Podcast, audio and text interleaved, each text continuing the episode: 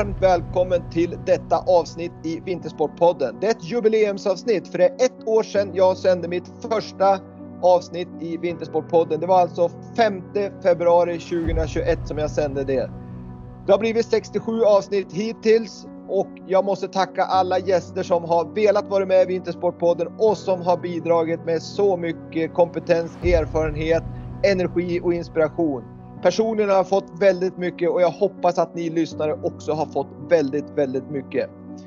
Jag ska också tacka alla lyssnare som har följt mig under det här året och jag är så tacksam om ni sprider podden till alla ni känner. För ju fler vi blir, desto roligare blir det att ha en podd. Jag vill också ägna det här avsnittet till alla som kämpar för att nå sina mål och visioner. Till alla som delar med sig av kunskap och erfarenhet till andra. Till de som ger energi och inspiration till andra. Och till alla goda medmänniskor i samhället. Tack för det ni bidrar till. Jag ska också tacka de samarbetspartners som har varit med under året. Det är Brooks, The Running Company, Revolution Race som har funktionella kläder, slip redovisning, Tisdag reklam och tryck i Hudiksvall. Bilmetro som numera är din bil. Orsa Grönklitt skidanläggning. Unestål Education och Träningsvarvet i Hudiksvall. Tack så mycket! Det här avsnittet, det kommer vara ett litet speciellt avsnitt. Jag ställer alltid en fråga i slutet av varje avsnitt där jag frågar gästen om de kan säga en framgångsfaktor för att lyckas med idrott. Och det har jag nu sammanställt i det här avsnittet. Så nu ska vi få höra 67 olika framgångsfaktorer. Det är inte 67 olika, det är många som har lika, men det är från 67 olika duktiga människor som ger sin syn på vad en framgångsfaktor är. Så det tycker jag är jätteintressant. Innan vi kör igång så ska jag bara säga att jag kommer köra vidare med Vintersportpodden och jag har mycket härliga gäster på gång.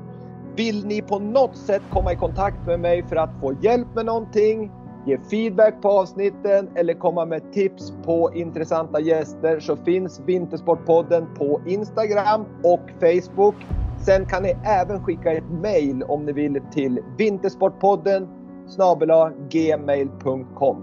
Där kan vi kommunicera för att göra Vintersportpodden ännu bättre eller om ni vill på något sätt att jag kan bidra till någonting i era liv. Tack så mycket för mitt första år som poddare. Det kommer mera. Nu kör vi igång dagens jubileumsavsnitt.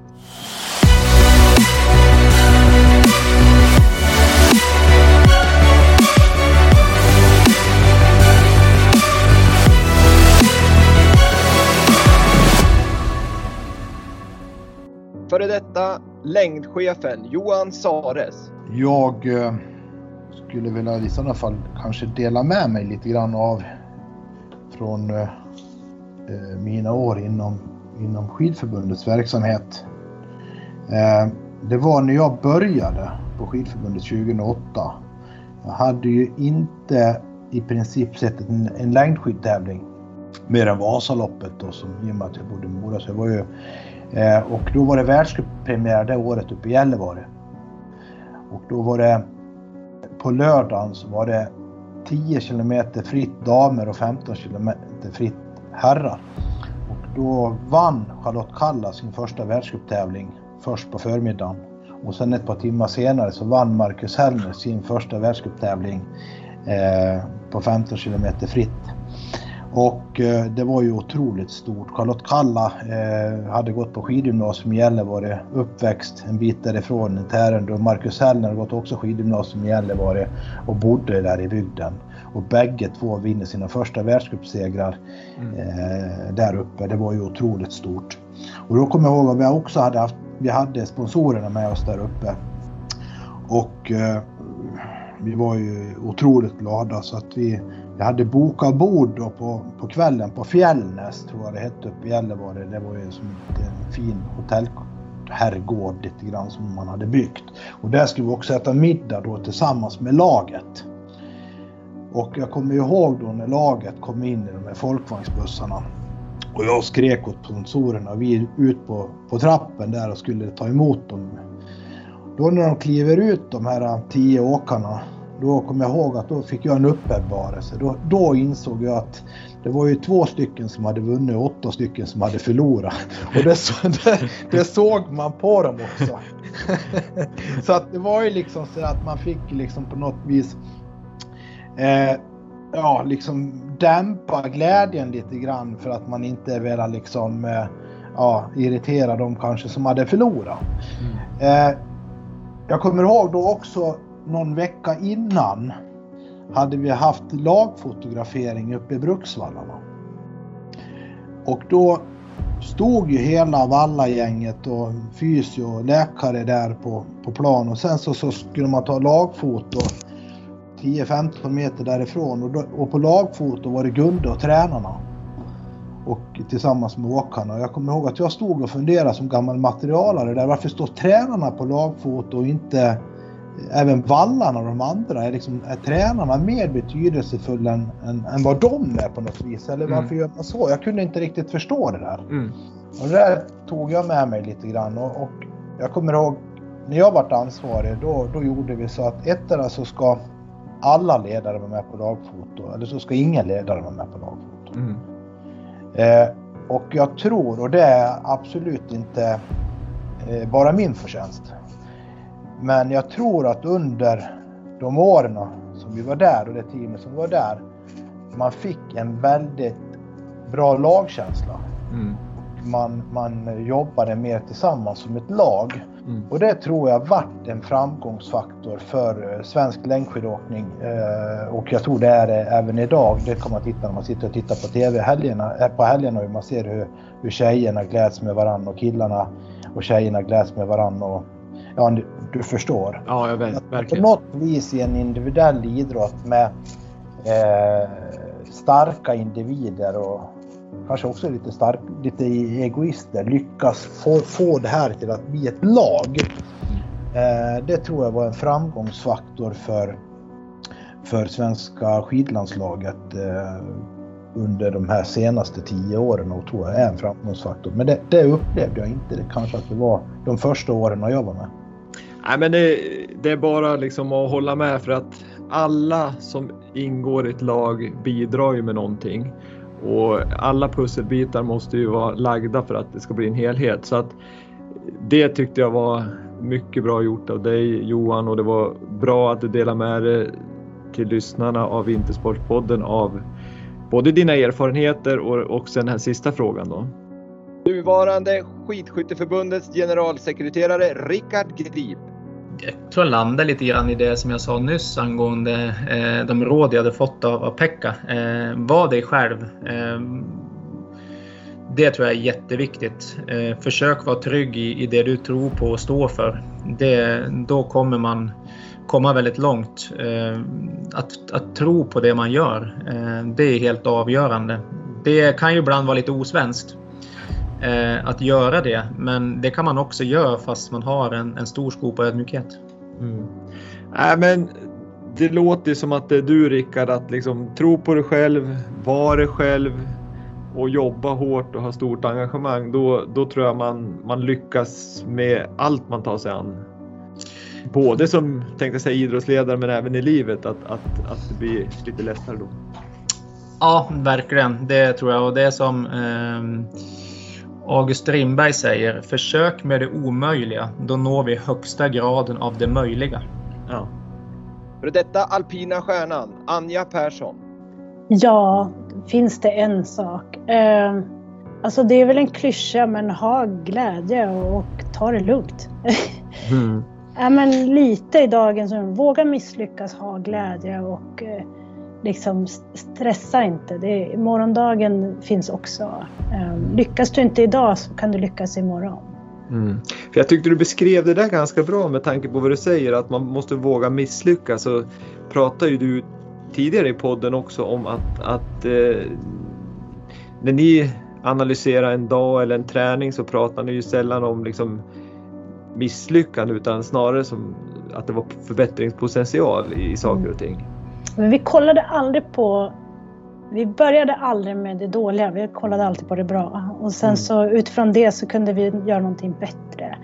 Mm. Um, nej men det, alltså man måste liksom krasst, vissa dagar har man skitdagar. Och, alltså man får inte ta för stora steg i allt man gör utan hela tiden vara analyserande att det här var bra, det här var sämre, det här kan jag göra bättre.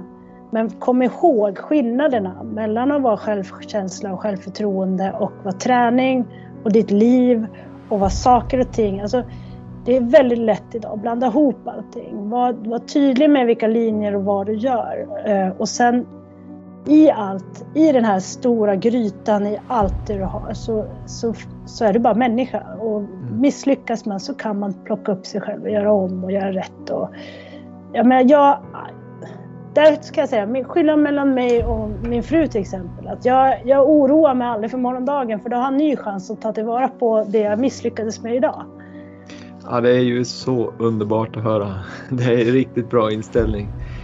Alpina doktorn Per Liljeholm. Alltså det är en bred och en svår och en rolig fråga på så sätt. Eh, om jag ska säga så här, jag har ju själv hållit på i alla år. Kanske inte främst idrott, i vinteridrott, men även där. Sen har jag en pojk, eller pojkar som håller på och jag känner ju för att någon ska orka, för det handlar naturligtvis som Gunde sa, det finns inga genvägar till framgång. Alltså du måste göra jobbet. Mm. Eh, men du gör aldrig jobbet om inte du finner lust och glädje i det. Alltså, ska du bli superbra på något, allt ifrån akademi till schack, till benböj, till alpint, till fotboll, så måste du träna hårt som fan. Alltså, det, det kan ingen komma ifrån. Eh, men du måste för det första tycka att du måste hitta glädje i det. Och jag som tonårsförälder känner jag ju att om, om man vill bli elitidrottare, vilket kanske inte är det alla vill, men om man vill bli det så gäller det ju att du kan inte sluta när du är 17. Som elitidrottare så kanske största träningsmängden, största liksom mentala hårdheten kommer från 18, 19 till 30. Har du tömt allt inom det, då, då kommer du aldrig att bli elitidrottare oavsett. Så att det gäller att finna ha kvar lusten, ha kvar känslan av att lägga ner tid är viktigt. Eh, men, och inte att jag gör det för någon annan. Jag gör det för att det här tycker jag är bra. Jag mår bra av det och så vidare. Sen finns det inga genvägar men det är nog, det är nog liksom det absolut viktigaste framgångsfaktorn tror jag. Mm. Ha någon människa, pappa, mamma, kompisar, polare, klubben eh, som du känner att här mår jag bra, jag vill och jag tycker om att lägga det jobbet och fortsätta med det. Mm. Skicrossstjärnan Sandra Näslund. För, för min del har det ju varit mycket tid på skidorna och kul på skidorna. Nu var det två saker, men alltså ja, men det, jag tror det, det, det är liksom framgången för mig att jag har haft otroligt kul och uh, har liksom verkligen utforskat uh, skidåkningen om man kan säga det så. Mm. Före detta längdstjärnan Marcus Hellner.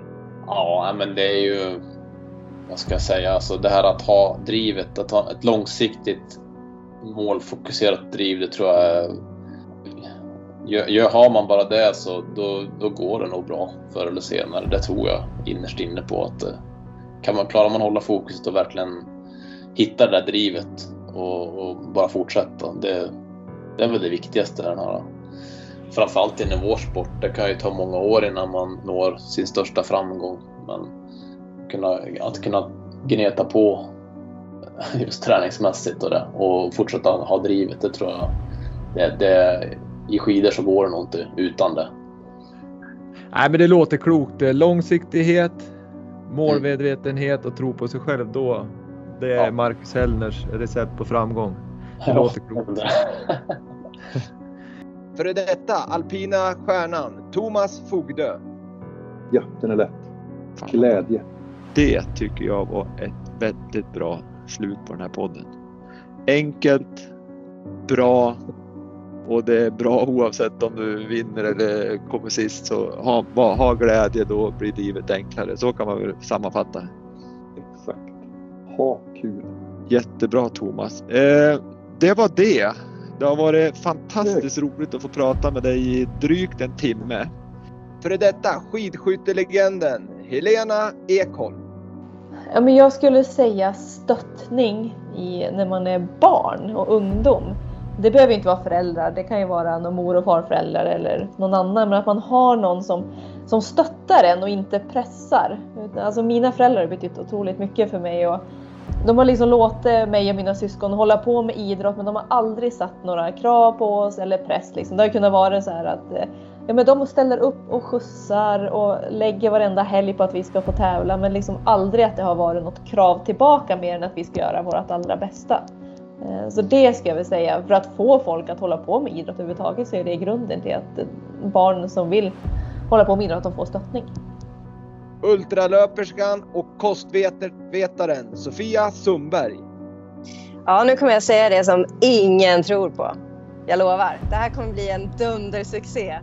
Nej, det var faktiskt och det är grymt! det var faktiskt när jag kapade min, min träningsmängd med ungefär, inte riktigt hälften, men nästan hälften. Det var då det svenska rekordet kom. Det var då sex timmars, eller sex, eh, sexa på Commerce kom och jag gjorde mina bästa lopp på träning och fokuserade mer på återhämtning och vikten av vila. För att jag ser det så här, när man pratar om kvalitet i träning så tänker många kvalitetspass, intervaller, hård. Men jag vill ha kvalitet i alla mina pass. För har jag ett lugnt pass, då ska jag fylla syftet med ett lugnt pass. Det ska vara ett lugnt och att kroppen inte ska slita. Så när jag började vila mer, då vart jag bättre. I kombination med en balanserad kost naturligtvis. Jajamän. Att hela tiden se till att jag äter någonting efter träning och att jag äter kolhydrater innan mina hårda pass gör att jag är faktiskt väldigt sällan sliten. Jag har, jag har ork i det jag gör och det tror jag att när man känner att man gör det och man har balansen att man klarar träningen, man blir bättre, man känner sig återhämtad, ja men då, det är då man kan säga också att man förmodligen ligger i energibalans. Men just det här att det är inte den som tränar mest som blir bäst. Det är den som tränar smartast och fokuserar på sakerna runt omkring. Långloppsstjärnan Lina Korsgren. Ja, det kan jag göra och det är att du ska ha tålamod. Tålamod? Eh, tålamod, tålamod, tålamod. Det kanske liksom allt kanske inte går precis som du vill eh, det här året eller den här säsongen. Kanske inte gör det om tre år, men eh, om du har tålamod och du inte ger upp så kommer det någon gång bli som, som du har tänkt och så som du vill ha det. Före detta längdstjärnan Anders Södergren. Uh, ja, men det är ju att tro på det man själv gör egentligen. Att man, uh, att man litar på sig själv. För det är bara du själv som kan uh, säga exakt hur du mår, både fysiskt och psykiskt och allting. Så att det, jag tror det är livsfarligt att släppa alla tyglar och lägga sig i, an, i någon annans famn helt och hållet. Utan man måste behålla kontrollen själv och, och lita på det man gör. Viaplay Vinters programledare Johanna Ojala och Viaplay Winters programledare Peter Gide. Nyfikenhet. Kort och bra. Peter? Motivation. Härligt. Nyfikenhet, motivation. Där har vi orden. Jättebra och jättestort tack Peter och Johanna. För detta vallachefen för längdlandslaget, Urban Nilsson. Ja, det är envishet. Envishet. Enkelt. Ja. Ja, det är enkelt. Tro på vad du gör, långsiktighet och borra ner huvudet och kör bara. Ja, ja, ja. Det finns, ing, det finns inget annat. Och det spelar ingen roll vilken idrott du, du håller på med. Du måste tro på dig själv och du måste vara envis. Eh, det är mitt, eh, mitt största. Det, jag tycker när man fått jobba med så många fantastiskt duktiga eh, idrottare och speciellt nu pratar vi om individuella idrottare. Man tycker att alla är lite egen eller lite så. Men de är envis, de är tjurskalliga. De har någonstans i sitt huvud har de ett mål. De säger det sällan, men de är ju envis och de slutar inte förrän det målet är uppnått. Längdstjärnan Ebba Andersson. Inställning. Härligt att höra. Är det ett, eh, är en av de mest primära sakerna, tänker jag. Just att, eh, att man... Ja, men det som jag var inne på tidigare här under, eh, under poddavsnittet, just att, eh, att man vet varför man håller på med det och att eh, man har ja, rätt inställning till det man gör. Och någonstans där så kommer ju även ja, men då drivet in. Att har man rätt inställning då genererar det ju till, ett, till en drivkraft. som tar en framåt. Och det är ju framåt man vill. Professorn inom idrott, HC Holmberg. Passion. Passion. Bra HC. Före detta längdstjärnan och numera experten på Viaplay, Johan Olsson. Eh, nämn en framgångsfaktor för att lyckas med idrott. Eh, eh, jag skulle säga att man ska följa sin motivation. Enkelt och bra. Alpina stjärnan, Sara Hector. Eh, en, eh, en stark vilja. Jag har eh. sett många som kanske inte alltid, alltså man måste nog inte alltid tycka att det är asroligt för att bli riktigt bra. Eh, men det underlättar ju och livet blir väldigt mycket roligare om man tycker det. Men jag tror att man kommer ännu längre på så här envishet och stark vilja faktiskt. Men jag tror, då, du måste ju ändå ha det otroligt starkt mentalt. Om du inte brin, alltså tycker det är svinkul och kunna lägga ner all den här tiden, då måste du ju vara enormt mentalt stark istället. Jo, jag tror att man kanske älskar liksom den här Alltså att motivera, motivera så mycket av att utvecklas eller mm. av att nå sina mål. Men det kanske inte alltid är liksom det man gör för att nå målen som man alltid tycker är roligt. Friåkningsstjärnan inom alpint, Henrik Winstedt. Uh, ja, vad heter det? Jag har tappat ordet på svenska. Dedic dedication. Ja, de, ja dedikera, eller liksom, ja, ja dedikera ja, till du, sporten. Ja, du måste ha en jäkla insats i vått ja. och torrt. Det, ja vad heter det, målmedvetenhet. Mm. Längdstjärnan och giganten Charlotta Kalla. Glädjen. Härligt Charlotte. För detta alpina åkaren och numera crossfit-stjärnan Ylva Stålnacke. Ja, och det är ju alltså som med mina ring muscle ups. Jag tyckte synd om mig själv istället för att bara bita ihop och lära mig dem. Så bit ihop, kriga och som sagt, ingenting kommer gratis. Och, man, och när man väl lyckas genomföra det, så är man väldigt nöjd med sig själv. Orienteringsstjärnan, skidalpinisten och skyrunninglöparen Tove Alexandersson. Jag tror det är viktigt att eh, helt enkelt eh, gilla det man gör. Eh, för att kunna ha motivation över tid. Och sen våga utmana sig själv. Före detta hockeytränaren, hockeyscouten och numera ansvarig tränare på Järpens skidgymnasium, Anders Forsberg. Passion. Att man, att man tycker att det är roligt och vill. Att man, man, man åker till Duved och är glad i skidbacken. Mentala rådgivaren och legenden inom mental träning, Stig Wiklund. Så egentligen ska man ju gå utanför boxen här och vara bekväm med det obekväma. Om jag svarar på en sak, då gör jag precis som alla andra. Och då blir det precis samma resultat som alla andra. Därför så säger jag två saker! Ja, det är bra! Jag skulle säga så här då. Att det allra viktigaste är att bli bekväm med det obekväma. Och sen ha kul, alltså glädjen. Alltså glädje och bli bekväm med det obekväma. Alltså det är det jag skulle betippa. Och så passion. Då har jag tre grejer! Så ja, men det får är viktigt att göra i alla sammanhang. För att lyckas måste du våga utmana. För detta alpina stjärnan André Myhrer. Uh, jag tror att man bör vara mångsidig. Det tror jag är bra. Bra. Det har du även varit ambassadör för åt Riksidrottsförbundet också. Att vara mångsidig och, och eh, att hålla på med fler idrotter upp i åldrarna. Programledaren och dokumentärskaparen Jonas Karlsson?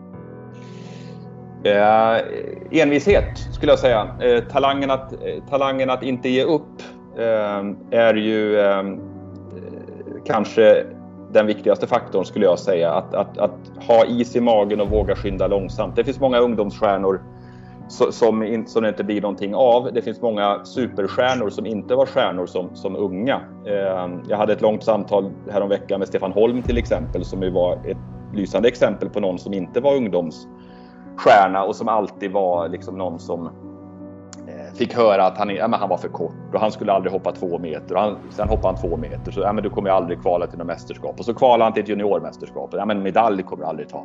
Och bla bla bla. Du kommer aldrig så här. Ehm, och, och, han var ju liksom speciell på sitt sätt. Han lyckades ju vrida om allt det där till någon slags tändvätska och drivkraft. Men, men det han hade i grund och botten var ju en, en jävla tro på sig själv och talangen att inte ge upp.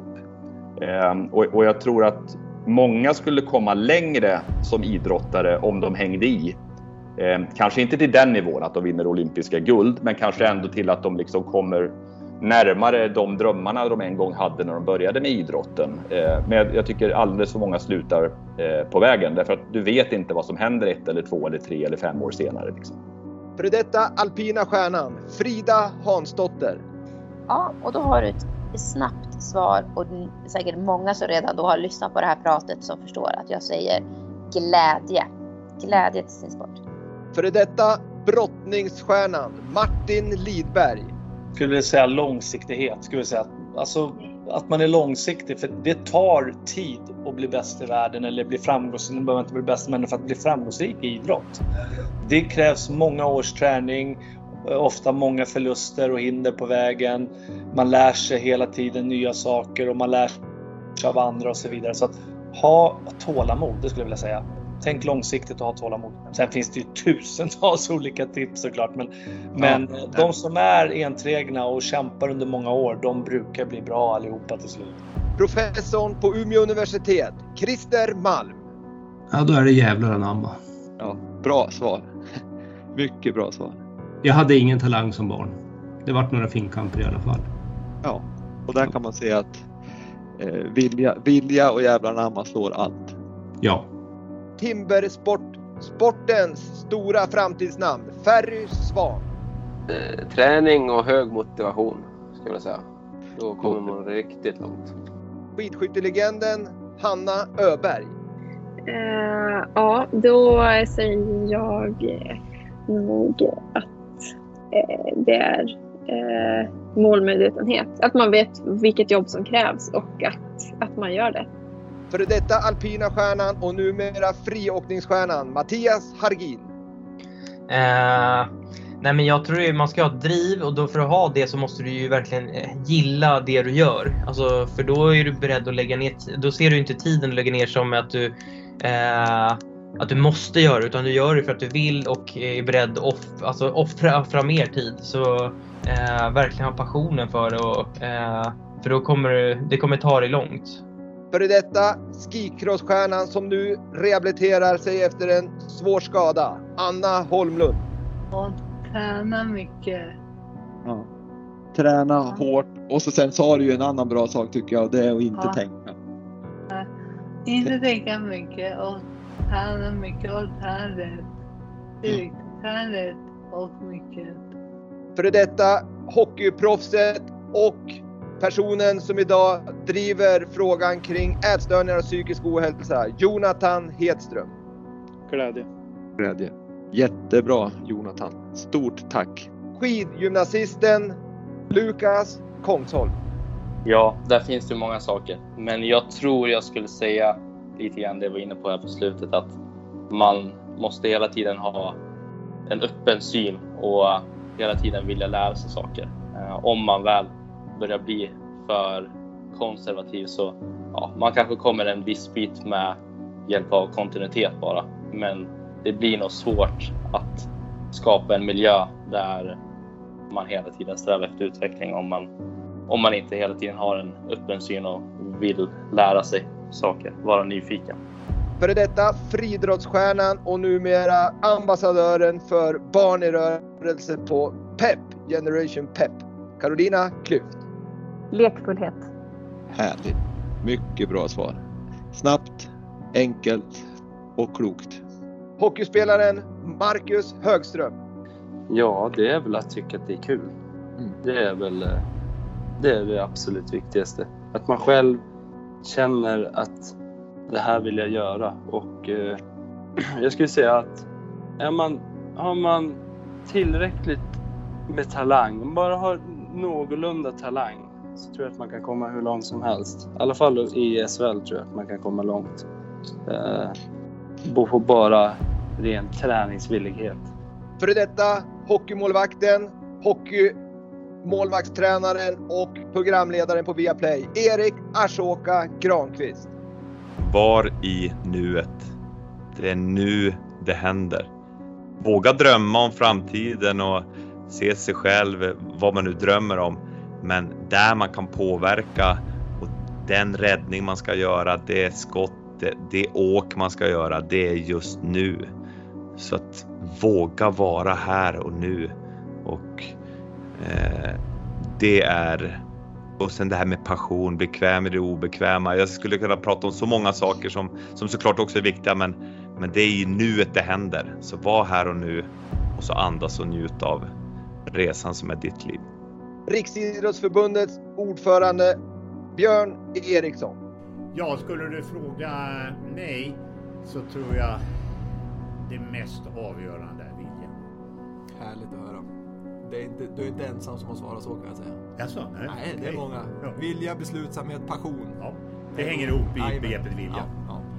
Längdstjärnan William Poromaa. Eh, vilja, tror jag. Alpina stjärnan Anna Sven Larsson. Oj, en alltså. Mm. Eh, ja, men jag tar nog eh, Ottos visa ord och säger tålamod, tror jag. Före detta längdstjärnan och numera entreprenören Maria Rydqvist. Ehm, ja, ehm, beslutsamhet säger jag då. Det sa du ju där att du fick med det också så att det Mm. var ju ett jättebra svar. Före detta hockeystjärnan och numera egenföretagaren och den stora ledaren Jonas Bergqvist. Personlig drivkraft. Friidrottsstjärnan och diskusstjärnan Simon Pettersson. vilja bli bra och vilja göra jobbet. För att, eller vara villig att lägga ner det jobb som krävs för att bli bra. Sen har man inte det så då är det tufft. Fystränaren inom hockeyn som gick över och bli längdtränare, Stefan Thomsson. Ja, det är ju noggrannhet och nyfikenhet och engagemang. Det var till tre ord. Ja men det var, det var bra, bra svar om jag säger så, eller bra, men det är väl ett, ett svar som går igenom hos de flesta som, som, som gästar podden och, och alla ni som gästar är ju framgångsrika på ett eller annat sätt och, och det, jag tycker det är kul att höra just de här, de här orden att noggrannhet, nyfikenhet, engagemang, beslutsamhet och så vidare. Det, det, är- det är härliga ord och de är ganska självklara men de ska finnas där. Längdstjärnan inom parasport, Sebastian Modin. Jag tror disciplin är viktig. I, alla fall i min, har det varit viktigt för mig. För om man har disciplin, då försöker man tänka igenom saker och analysera saker och man liksom det handlar inte om det här att planera allt i minsta detalj men ändå på något sätt ha en då, då, då, då tror jag ändå att många saker kommer att eh, falla på plats för att man inte lämnar dem i liksom bara vind för våg. Det var kanske att ta i. Men du förstår vad jag menar? Ja absolut, Så absolut. många, Men jag tycker många, det... så många pusselbitar, eh, många pusselbitar kommer på köpet om man har disciplin. Mm. Absolut, så är det.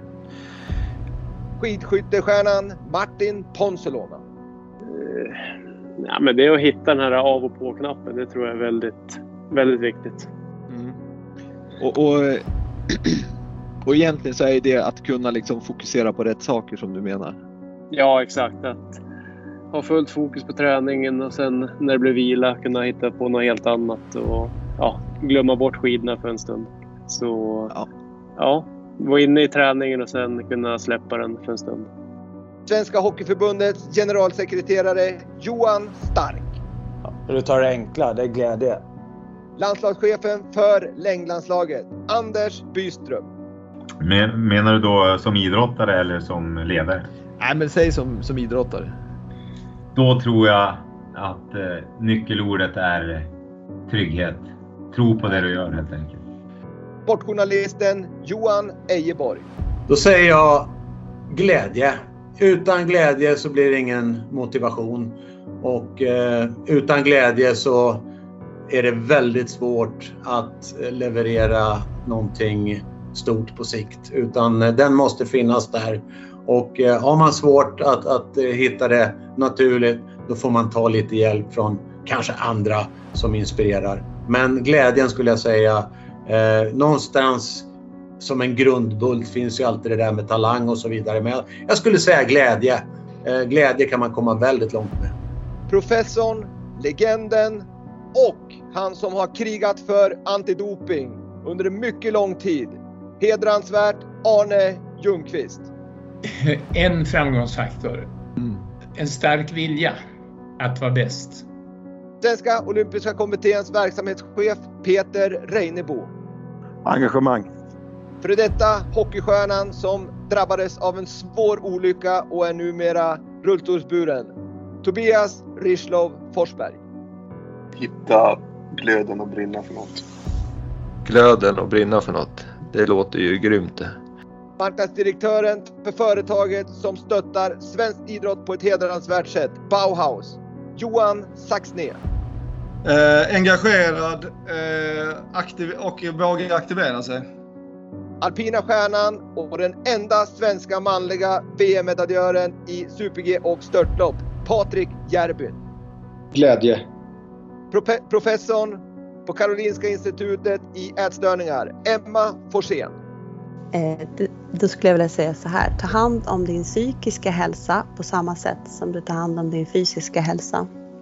Ultralöperskan och skidalpinisten Emelie Forsberg. Ja, eh, då skulle jag säga hitta din, ja, men hitta kärleken till det du gör, till din idrott. Och, och bevara den liksom. Det, det är någonting som man måste jobba för också för att bevara. Ha- Hur gör du det liksom så här? Jag tänker att du sprang där fjärde dagen på Kungsleden. Du var helt slut, du låg i sängen. Lyckligtvis kom din mamma och, och besökte dig så att du kanske fick lite energi. Men hur, hur har du ändå kärleken då och, och hur, hur jobbar du på det för att du ändå ska kunna gå upp dagen därpå fast ha ont och fortsätta springa? Ja, men då tänker jag också att det kan ju bli värre. Eh, för ofta så kan det bli värre. Nej, men det, det finns bara där grunden. Men sen så absolut, ibland har jag känt att eh, det, det var något tag när jag hade någon svacka när jag kände att nej, men jag tycker faktiskt inte om löpning längre. Jag, or- jag vill inte ut och springa. Och då var det för att jag hade lagt lite för mycket press på mig och jag hade Alltså jag kom in i en ond cirkel. Så jag tror verkligen det handlar om att ta hand om kärleken. Ehm, ja, men, och man måste anpassa sig efter, anpassa sig efter den. Liksom, det är som en, en, en livscykel. Det är ett kretslopp som man bara måste följa med i och anpassa sig efter. skidtränaren och TDn för internationella stora längdtävlingar som VM och världscup. Mikaela Sundbaum. Viljan. Triatleten Jonas Kolting. Ja, jag kan säga många, många framgångsfaktorer, men om man ska jag, jag säger så här. Eh, egendriv och tålamod är ju egendriv och tålamod. Det är en bra definition och sen tid och repetition är ju en annan också. Tid och repetition kommer man fruktansvärt långt med. Liksom så här att, och det är egentligen det enda folk behöver. Det är tid och repetition. Och det är ju underförstått då att man är tålmodig, att man har kontinuitet. Eh, mm. Friåkaren, levnadskonstnären Jakob Wester. Ja, en, en viss nivå av barnslig besatthet tror jag krävs. Oavsett i, ja, i vad, men det måste vara lite manisk eh, för att verkligen lyckas. Den första skate-VM-medaljören genom tiderna. Billan Östlund. Oj, får jag bara säga en? Ja. Ett ord? Ja, men ja. Ja, men alltså, ett, ett, ja, en, en framgångsfaktor. Att man har rätt inställning Det tror och jag. en vilja av stål. Och det är ju liksom viljan är ju en bra inställning på något vis. Svenska skidskytteförbundets succétränare Johannes Lukas. Ja, det är ett eh, starkt tränarteamet som måste stå bakom ett eh, starkt förbund. Det är väldigt viktigt. Du kan ha världens bästa aktiv, men om en aktiv får ingen, ingen bra tränarteamet bakom och en bra förbund som kan, kan göra saker möjligt, då hjälper det inte. Eh, så jag tycker det, det visar vår framgång i skjutet speciellt. Att väldigt starkt förbund, väldigt eh, starkt tränarteamet och sen kommer det efteråt väldigt fina resultat och väldigt fina aktiva. Fystränaren som varit ansvarig inom Sverige, Italien och numera Österrike. Agneta Platter. att du älskar det du håller på med. Ja, jättebra. Det tror jag är en eh, grundkurs nummer ett. Älskar det man håller på med, då blir det ofta bra. Ja. Svenska hockeylandslaget, Tre Kronors förbundskapten Johan Garpenlöv. Eh, nej men det är att man brinner för det man gör. Att man själv verkligen vill göra det. Eh, den idrott man håller på med. Eh, gör man det så, så uh, kommer man, och då, kanske är ett ord, det är passionen för det man håller på med. Men, men man måste älska det man gör för annars så kommer det inte, ja man kommer kanske ha kul men det kommer, eh, man, för att gå långt måste man ha det helt enkelt. Stjärnkocken som har restauranger med Michelin-guidens stjärna och alpina föräldern Niklas Ekstedt. En, en faktor för att lyckas i idrott. Ja, eller som kock. Det var ju samma sak kommit fram till. Alltså uthållighet. Mm. Det är bara liksom att din tid kommer. Härligt att höra. Den, är, den, den tror jag är nummer ett. Det, om man bara fortsätter göra bra saker och försöker vara en bra människa och försöker prestera så någon, någon gång så trillar den där jävla poletten ner. Materialförvaltaren och legenden under 40 år för Tre Kronor, Anders Pudding Weiderståhl. Passion. Du, inte först och inte sist som säger det Pudding. Det, det, är ganska många, men det har du beskrivit också, dels med spelarna men även med ledarna. Att eh, någonting gemensamt har haft så, så sa du ju var just passionen.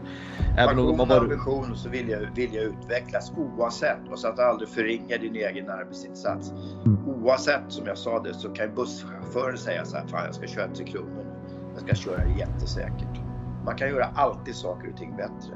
Det är ambition och passion.